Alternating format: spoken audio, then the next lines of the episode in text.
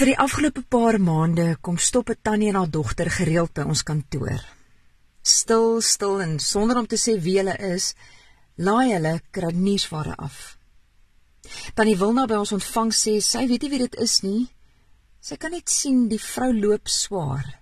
Maar klokslag, elke maand is daar 'n skenking, genoeg om te kan deel met meer as een gesin. Elke item is so versigtig gekies.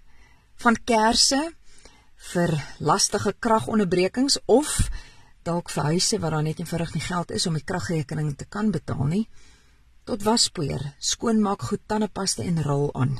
Eenvoudige dinge so van selfsprekend vir my en jou, maar wat vir iemand anders 'n waardigheid gee. Waardigheid wat net so nodig is, soos die brood en die olie en die meel, soppoeiers, sout, pasta en blikkies kos.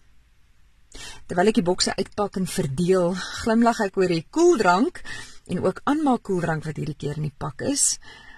Daar's twee gesinne met klein kinders na wie hierdie skenking toe gaan en ek kan net dink hoeveel hulle die bederf van koeldrank sal geniet. Die eerste gesin se briefie lees: Lindy, my vrou mag nie werk nie. Sy is 'n Weskoppies pasiënt. Ek werk, maar ek kry 'n klein salaris en ons kan nie kop bo water hou nie. My seentjie is 11, hy het nie klere nie en ons het nood vir kos. Groot asseblief. Ons hart is altyd by die kinders en in hierdie tyd by die gesinne wat as dit ware deur die krake val. Hulle was nooit voorheen hulpbehoevend of op 'n database iewers vir 'n gereelde kospakkie nie, maar COVID-19 het gemaak dat hulle somme om die sente te probeer pas nou finaal geflop het. Ons anonieme tannie se kry nuusware kry sy eerste ontvanger. Ons tweede stop is 'n mamma met twee kindertjies, 'n dogtertjie in graad 3 en 'n boetie in graad 1. Die boodskap wat ons gekry het, vertel dat die dogtertjie laasweek een oggend vir die juffrou gaan vra het of die tannie van die voedingsskema dalk al by die skool is, want sy die vorige dag pouse laas iets geëet. Sy wou hoor of sy nie dalk vandag se broodjies so bietjie vooruit kan kry nie. Sy is regtig baie honger. Toe ons hierdie mamma kontak, besef ek sy ken ons van geen kant af nie. En tog nooi sy ons in, in haar huis, in haar lewe en selfs in hulle swaar kry in. En dis by Trevor Hudson wat ek geleer het, dis wanneer jy tiptoe upon the holy ground of other people's suffering. In terme van dag tot dag oorleef met met jou verloofde wat dan nou ook nie 'n salaris het nie en jy weet nie 'n salaris het nie hoe, hoe oorleef julle en hoe gaan dit met jou kinders se behoeftes en wat het julle nodig? Weet jy uh, dis dis moeilik dis dis 'n struggle dis regtig 'n struggle want oh, die krag die die die die die, die uh uh it's, it's been a struggle because uh um knowing that you not you don't have a work and half of your salary has been taken away and the lockdown dit het regtig my kinders getref. Ehm um, sewe maande by die skool nie en my man, my vriend en die kinders se pa, hulle vra konstant waar is ek waar waar's hulle pa?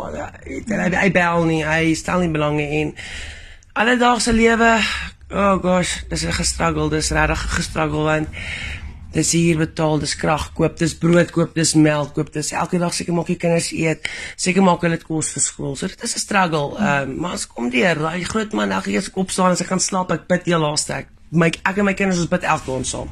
Die onsse Vader is great en uh, ek glo hy sal hy sal bietjie hy sal ons help. Hy hy moet ons help. Hy gaan ons help. Hy, hy hoor my. Ehm um, ons gaan 'n bietjie deur 'n harde tyd want ons huis is basically as agterstallig toe ons teruggetrek het want die ou wat hier gebly het hier laat agtergaan met amper amper 50000 rand. So uh, gister was ons nou by die prokureurs gewees om 'n reëling te tref van alles.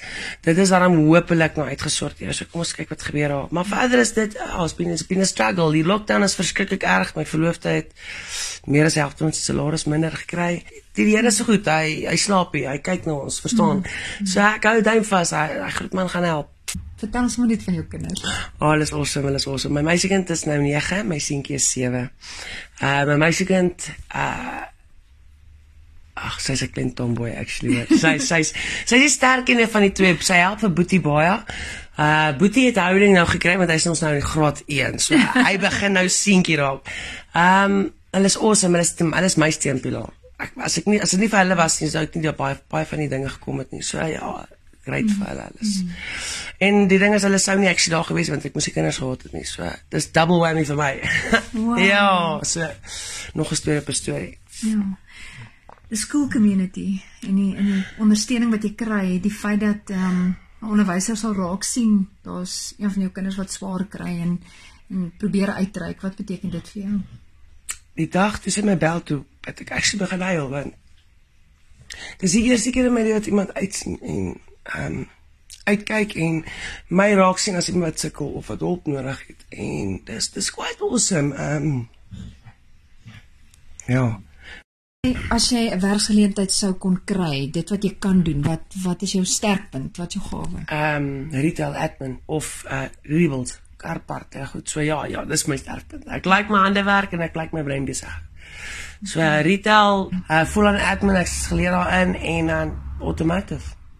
Spares uh rebels uh ja. Daai jy actual karre.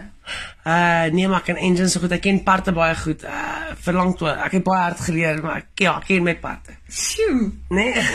Ja. ja, nee, so ek kan ek kan, ja. Hierdie mamma se uh, uitbundige dankie is vir daai tannie en haar dogter en um, ook ons vernoot Spar wat ons elke week vertrou om hulle geskenk op die regte plek aan te gee. Dis so 'n klein gebaar van omgee, maar ons hoop dat mense wat dit sien en wat na ons luister, dat jy sal aanspoor om ook in jou eie gemeenskap uit te kyk en uit te reik na mekaar. Maar weet jy, dalk gaan jou mense my mense selfs meer oor die geleentheid wat so 'n gebaar vir ons moontlik maak om vir 'n oomblik saam met hierdie mamma op haar bank te sit saam met haar te bid vir 'n deurbraak. Dit gaan oor die inspraak of 'n of 'n bietjie aansporing as die moedeloosheid mens dalk juis vandag wou kom oorweldig. En dit gaan oor 'n tasbare manier om vir iemand te sê en te wys. Daai groot man wat jy so goed ken, vir wie jy en jou kinders bid, die Here, hy sien jou en hy sien jou kinders raak.